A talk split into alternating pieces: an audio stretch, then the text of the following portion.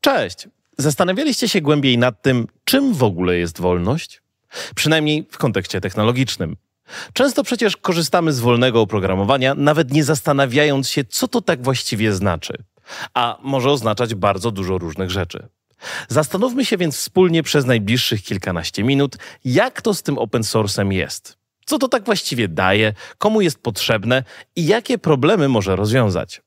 I nie, nie będzie to wcale odcinek o GNU, Linuxie, panach Stallmanie i Torwaldsie. Za to partnerem, a zarazem sponsorem dzisiejszego odcinka jest trójmiejska firma 3MDEP, dostarczająca rozwiązania z zakresu open source firmware, więc jest do tej opowieści bardzo dobra okazja. Czy urządzenie, dla którego producent zakończył wsparcie techniczne, nadaje się tylko i wyłącznie na śmietnik, dołączając tym samym do sterty elektrośmieci? A może warto o tym problemie pomyśleć szerzej i podejmować decyzje zakupowe, biorąc nieco mniej na pozór istotne kwestie również pod uwagę? I czy otwartoźródłowy system operacyjny to naprawdę maks, na co nas stać? Zapraszam.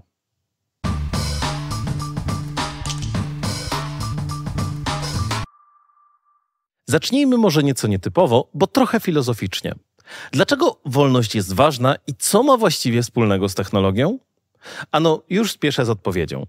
Idea dzielenia się i wspólnego rozwiązywania problemów nie jest przecież niczym nowatorskim. Właśnie w taki sposób wszystko się najczęściej zaczyna. Komputery nie są tutaj wyjątkiem. Te pierwsze powstawały w kręgach akademickich, gdzie dzielenie się wiedzą, aby przyspieszyć rozwój w jakimś aspekcie, jest przecież normą. Z czasem jednak, kiedy okołoinformatyczny biznes zaczął się coraz bardziej komercjalizować, firmom próbującym zmonopolizować rynki, na których konkurowały, nie było to na rękę. Chciały przecież mieć coś wyjątkowego, aby przyciągnąć do siebie kolejnych użytkowników i sukcesywnie coraz bardziej przywiązywać ich do swoich rozwiązań. W efekcie, wraz z upływem czasu, popularność zdobywało oprogramowanie, które z wolnością nie miało nic wspólnego. Rozpowszechniano je w postaci, która uniemożliwiała zajrzenie, co dzieje się w nim od środka. Przynajmniej w prosty sposób i co trzeba zresztą uczciwie przyznać, dla wielu szarych użytkowników nie miało to żadnego znaczenia, nawet najmniejszego. Znacznie istotniejsza była prostota obsługi i łatwość wdrożenia. Jednak nie wszystko złoto, co się na pierwszy rzut oka świeci. Świecisz jak miliony monet. Korzystając z rozwiązań o zamkniętych źródłach, możemy napotkać na pewne specyficzne dla nich problemy. Jakie? Jednym z głównych argumentów stosowanych przez zwolenników otwartości i wolności, szczególnie w kontekście oprogramowania, jest to, że im więcej oczu patrzy na coś, na przykład kod źródłowy, tym łatwiej odkryć tym ewentualne błędy. Innym przykładem będą tu wszelkie algorytmy kryptograficzne, które są bezpieczniejsze, jeżeli wiadomo dokładnie, jak działają. Tak zwane security by obscurity, czyli opieranie bezpieczeństwa na tym, że znajomość wewnętrznych jego mechanizmów ma tylko garstka osób, jest po prostu antywzorcem. Kiedy dostarcza nam się coś bez możliwości wglądu pod maskę, to tak naprawdę nie bardzo wiemy, co tam się od środka dzieje. No a jeżeli odkryty zostanie tam jakiś błąd, oby tylko nie krytyczny, to musimy liczyć na producenta, że zostanie on szybko naprawiony, co niestety nie zawsze się dzieje. Szczególnie jeżeli dla produktu zakończono już wsparcie techniczne. To sprawia, że czasami całkiem dobry sprzęt, z którego dalej moglibyśmy latami korzystać, nadaje się tylko na śmietnik, pogłębiając jakże istotny problem rosnącej sterty elektrośmieci.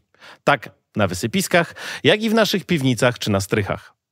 Dobrym przykładem niech będą tu urządzenia Logitecha z serii Harmony, czyli uniwersalne piloty do urządzeń wszelakich.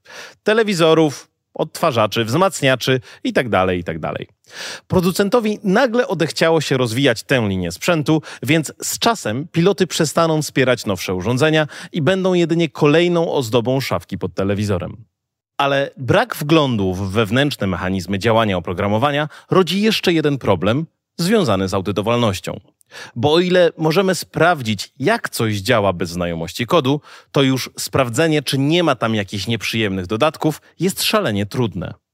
Skąd więc mamy wiedzieć, że produkt robi dokładnie to i tylko to, co obiecuje? Niestety nie możemy mieć pewności, że nie przetwarza, albo co gorsza, nie wykrada jakichś naszych danych. Musimy w pełni zaufać tej kwestii obietnicom jego twórcy. I dotyczy to całego procesu, ponieważ nie mamy jak sprawdzić, czy coś, co do tej pory było w porządku, nagle nie dostało jakiejś aktualizacji, która czyni z tego tak naprawdę złośliwe oprogramowanie. Zresztą nie trzeba tu nawet zakładać złej woli producenta. Taka sytuacja może mieć miejsce na przykład w wyniku przeprowadzenia z sukcesem ataku kategorii supply chain, gdzie cyberprzestępcy przejmują kontrolę nad na przykład jakąś biblioteką, po prostu wykorzystywaną i zintegrowaną przez rzeczony wcześniej produkt. Dla wielu nie jest to jednak jedynie kwestia pragmatyzmu, a fundamentalnych ludzkich praw. No bo kupując coś, możemy po prostu chcieć albo nawet wymagać, abyśmy byli tego właścicielami, a nie tylko wypożyczali coś od firmy nam to sprzedającej. Bo wolność w tym znaczeniu składa się z kilku istotnych filarów. Możliwości uruchamiania oprogramowania, abyśmy mogli korzystać z niego zawsze, wszędzie i na każdym urządzeniu, na którym tylko chcemy a nie na przykład w postaci subskrypcji limitowanej do dwóch komputerów, po której wygaśnięciu wszystko nagle przestaje w sumie bez żadnego technicznego powodu działać. Powinniśmy też mieć możliwość analizy i modyfikowania produktu, abyśmy mogli, o ile oczywiście potrafimy, dostosować go do własnych indywidualnych wymagań. Bo przecież nasze potrzeby mogą być nieco inne niż reszty użytkowników i nie ma w tym niczego złego. No albo po prostu chcemy się czegoś nauczyć, no i na koniec, ważna jest też wolność w kwestiach redystrybucji oraz publikowania wprowadzonych przez nas modyfikacji, aby inni też mogli z nich skorzystać. Wolność, przynajmniej rozumiana w ten sposób, nie jest jednak swoistą dziką kartą, pozwalającą nam robić, co nam się żywnie podoba. O nie! To, że coś jest wolne, nie oznacza wcale, że nie nakłada na nas żadnych obowiązków. Bo biorąc coś, trzeba też oddać coś w zamian. Modyfikując udostępniane na wolnej i otwartej licencji oprogramowanie, najczęściej musimy też nasze poprawki udostępnić na takich samych, wolnych zasadach. Pierwszą rzeczą, która chyba wszystkim przychodzi do głowy, kiedy mowa o otwartości źródeł, jest chyba oprogramowanie, czyli open source software. No, nie bez powodu. Korzystamy z niego na co dzień wszyscy. Tak, nawet ci, którym wydaje się, że tego nie robią. Na tej liście są przecież choćby serwery www, serwujące nam większość treści konsumowanych w internecie, pocztowe, dostarczające nasze maile, jak i mechanizmy wykorzystywane do szyfrowania komunikacji w sieci i nie tylko. Przeglądarki internetowe, całe systemy operacyjne, tak na komputerach, jak i telefonach, gry i potężna masa innych rzeczy. Jednak, co dla wielu może być już pewnym zaskoczeniem, istnieje też open source hardware. Co to za wynalazek? W tym modelu producent jakiegoś sprzętu, dajmy na to przykładowo płyty głównej, nie tylko ją produkuje i sprzedaje, przy okazji czasem męcząc się z reklamacjami. Udostępnia też kompletną dokumentację, dzięki czemu nie tylko będziemy teoretycznie sami coś mogli w niej polutować i pomajstrować, ale też jesteśmy w stanie w ten sposób przeprowadzić pełen audyt sprawdzający jej bezpieczeństwo. Ma to jednak dalsze konsekwencje. Ktoś inny zgodnie z otwartymi licencjami, będzie mógł taką płytę po prostu wyprodukować. No i tu dla wielu producentów pojawia się pewien istotny zgrzyt, bo lata researchu, kupa zainwestowanej kasy w design oraz marketing, jak to tak? Ktoś po prostu weźmie i skopiuje, a potem wyprodukuje i sprzeda za pół ceny? Dlatego o ile sprzęt otwartoźródłowy istnieje i jest w pewnych miejscach wykorzystywany, dobrym przykładem będzie tu Raspberry Pi i wszelakie jego klony, to w szerokich konsumenckich zastosowaniach raczej pozostaje to mokrym snem każdego wolnościowca. Przynajmniej na razie. Niektórym z Was może teraz cisnąć się na usta pytanie. No dobra, ale czy jest coś pomiędzy sprzętem a oprogramowaniem, coś, co pozwoliłoby mieć wgląd i audytowalność na niższym poziomie od systemu operacyjnego, ale bez projektowania od razu własnych układów scalonych? Tak. Firmware, czyli wewnętrzne niskopoziomowe oprogramowanie wbudowane w urządzenie. Ono też może być otwartoźródłowe i nie myślcie, że to po prostu jakiś kompromis. Wręcz przeciwnie. To bardzo istotny element całej układanki, która w idealnym świecie składałaby się ze wszystkich tych trzech elementów o otwartych źródłach, ale wróćmy do meritum. Jednym z rozwiązań kategorii open source firmware jest Dasharo, o którym opowiem Wam nieco więcej. Dasharo to produkt polskiej firmy 3MDEP, będący gotowym rozwiązaniem z kategorii otwartoźródłowego firmware'u. Tak, u nas też robi się fajne rzeczy wbrew obiegowym opiniom niektórych malkontentów. W 3MDEP starannie wybrali platformy, których supportem się zajmują i to przez długi, długi czas, zapewniając m.in. bardzo proste wdrożenie, nawet takie zero-klikowe. Wsparciem zajmuje się nie tylko zespół profesjonalistów, ale do dyspozycji jest także rozbudowana dokumentacja, no a kod jest oczywiście otwarty i wolny, gwarantując użytkownikom prywatność oraz budując tym samym nic zaufania. Pozwala to również podejrzeć, jak to wszystko właściwie jest napisane. W tym miejscu pojawia się jednak jedno bardzo ważne pytanie. Po co? Ano powodów jest wiele. Po pierwsze, co już kilkukrotnie nie bez powodu podkreślałem, wiemy, co siedzi pod tą przysłowiową maską i możemy poczuć się dzięki temu nieco bezpieczniejsi. Ale nie każdy przecież umie, albo nawet chce czytać kod źródłowy. Zerknijmy więc na to z punktu widzenia statystycznego konsumenta. Zdarza się czasem, że kupimy jakąś wypasioną płytę główną za miliony monet, bo ma to być przecież inwestycja na lata. No ale w sumie niedługo potem wychodzi nowy procesor, z którym ona już nie działa, bo producent zakończył dla niej wsparcie, zachęcając nas tym samym do kupienia nowszej wersji, która na przykład poza BIOSem różni się od starej praktycznie jedynie kolorem. Albo potrzebne jest wsparcie dla modułu TPM 2.0, czy też możliwość uruchamiania z dysku NVMe, których producent, mimo technicznych możliwości, nie chce dodać. Ewentualnie przydałoby się załatać lukę pokroju spektr, ale nikt się w sumie nie kwapi. Czasami dzięki pracy społeczności udaje się takie problemy rozwiązać i urządzenie, które miało trafić na śmietnik historii, dostaje drugie życie. A my oszczędzamy pieniądze i dbamy o środowisko. Ba, dzięki zaangażowanej społeczności zebranej wokół takich projektów, nie tylko istnieje spora szansa, że ktoś pomoże nam z rozwiązaniem jakiegoś napotkanego problemu, ale też sami możemy zaproponować dodanie jakiejś funkcji, której potrzebujemy. W przypadku rozwiązań dostarczanych przez wielkie firmy produkujące hardware, to przeważnie nie jest możliwe. Jednak unikanie konieczności wyrzucenia czegoś leciwego na śmietnik to nie jest jedyny argument przemawiający za korzystaniem z otwartoźródłowego firmware'u. Nowoczesne urządzenia też przecież mogą z takich rozwiązań korzystać. W przypadku Dasharo mowa tu na przykład o laptopach Nova Custom czy płytach głównych wykorzystujących procesory Intela 12 generacji.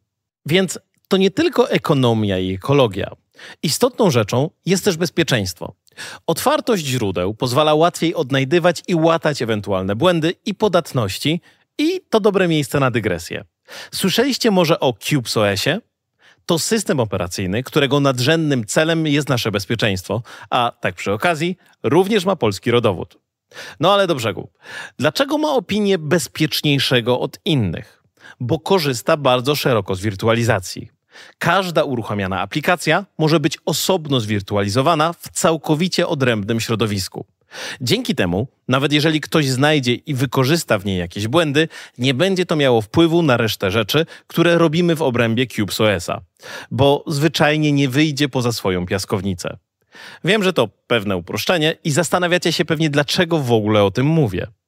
Ano dlatego, że Dasharo pomaga osiągnąć certyfikację CubeSOS, co nie jest wcale takim prostym zadaniem.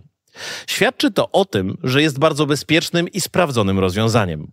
Szansa na złapanie jakiegoś złośliwego oprogramowania wykorzystującego luki w firmware dostarczanym przez Dasharo znacznie spada, bo po pierwsze, Wgląd w kod sprawia, że jest ich pewnie znacznie mniej, a po drugie, jest to na razie rozwiązanie dość niszowe, więc cyberprzestępcy nie marnują czasu na jego łamanie. Korzyści dla biznesu idą jeszcze o parę kroków dalej. Produkując jakiś sprzęt albo po prostu zarządzając rozległą infrastrukturą, to z wykorzystaniem rozwiązania takiego właśnie jak Dasharo, niejako odzyskujemy kontrolę nad istotną częścią produktu, która wcześniej leżała w cudzych rękach. A to w pewnych zastosowaniach krytycznych, przykład medycznych czy militarnych, może mieć niebagatelne znaczenie. Co więc można zrobić, aby popularyzować takie podejście do oprogramowania? Zachęcam Was do głosowania portfelami. Wiem, że nie zawsze jest to możliwe, ale jeżeli widzicie u siebie zastosowanie dla wolnego i otwartoźródłowego oprogramowania, korzystajcie z niego, wspierając również jego twórców. Nie kończy się ono na poziomie aplikacji czy nawet systemu operacyjnego, ale sięga znacznie głębiej. Również do firmware'u, takiego jak BIOS, a nawet na poziom otwartoźródłowego sprzętu, gdzie teoretycznie sami z pomocą lutownicy i worka układów scalonych, kondensatorów i tranzystorów oraz niewyczerpanych pokładów cierpliwości możemy zbudować coś sami od podstaw. Nie każdy z tych poziomów będzie pasował wszystkim użytkownikom to jasne. Ale im większy jest pierwiastek wolnościowego podejścia w wykorzystywanych przez nas produktach, tym moim zdaniem lepiej. Wielu z Was, moi drodzy widzowie, pewnie interesuje kwestia grzebania tak w oprogramowaniu, jak i w sprzęcie. Niezależnie jak głęboko sięga Wasza wiedza w tym zakresie, zachęcam Was do zerknięcia w szkolenia udostępniane przez polską firmę 3MDEP, producenta Dasharo. Tak, Polska mistrzem Polski. Część z nich znajdziecie na przykład na platformie Open Security Training należącej do Xeno Kowa, czyli człowieka odpowiedzialnego m.in. za Secure Boot w urządzeniach Apple z procesorami M1, a to moim zdaniem świetna rekomendacja. Są tam dostępne pomiędzy innymi zagadnieniami dla bezpieczników i to za darmo, a to bardzo uczciwa cena. Inne znaleźć można na autorskiej platformie 3MDEP o nazwie Pace Enterprise Training. Linki do obu portali oczywiście znajdziecie w opisie pod filmem, a jeżeli tematy te są Wam szczególnie bliskie i pasjonujecie się nimi, to dołączcie do społeczności Dasharo albo nawet odezwijcie się bezpośrednio do 3MDEP. Z zaufanych źródeł wiem, że wciąż rekrutują nowe osoby do współpracy. Może dzięki temu nie tylko znajdziecie nową pracę, ale też będzie ona spójna z ideami, które wspieracie. Co robić i jak żyć? Jeżeli coś robisz, rozważ opublikowanie tego na otwartej i wolnej licencji. Być może płynie z tego w dłuższej perspektywie wiele korzyści. Zresztą, co warto podkreślić, udostępnienie jakiegoś swojego dzieła w ten sposób nie oznacza wcale, że robimy coś charytatywnie. Po prostu zarabianie, sprzedając licencję na oprogramowanie, może w wielkim schemacie rzeczy wcale nie być naszym ostatecznym celem, bo bardziej zależy nam na jakości i audytowalności produktu, który wypuszczamy. Kiedy kupujesz nowe, lśniące urządzenie, z którego tylko czekasz, żeby odkleić powolnym ruchem wszystkie przezroczyste folie, zastanów się nad kilkoma jego aspektami. No bo owszem, jego parametry, funkcje, czy dla niektórych nawet design są bardzo istotnymi kwestiami. Jeżeli jednak nagrzejesz się już na coś jak hutniczy piec, zastanów się też, jak do kwestii jego dalszego wsparcia podchodzi producent. Czy możesz liczyć przynajmniej na kilka lat aktualizacji? Czy może w idealnym świecie, kiedy wygaśnie już dla niego wsparcie, producent wesprze społeczność w tym, aby nadal można było je utrzymywać, na przykład publikując kod źródłowy na wolnej licencji? A może jednak wsparcie zakończy się w momencie wejścia urządzenia na rynek, jak niestety ma to miejsce bardzo często w przypadku zabawek internetu rzeczy. Głosuj portfelem, bo często nawet nie zdajesz sobie sprawy, jak wielką siłę ci to daje w szczególności wspierając etyczne biznesy, a odwracając się od tych, z których podejściem do biznesu nie masz po drodze. I to już wszystko na dziś. Tymczasem dziękuję za Waszą uwagę i do zobaczenia.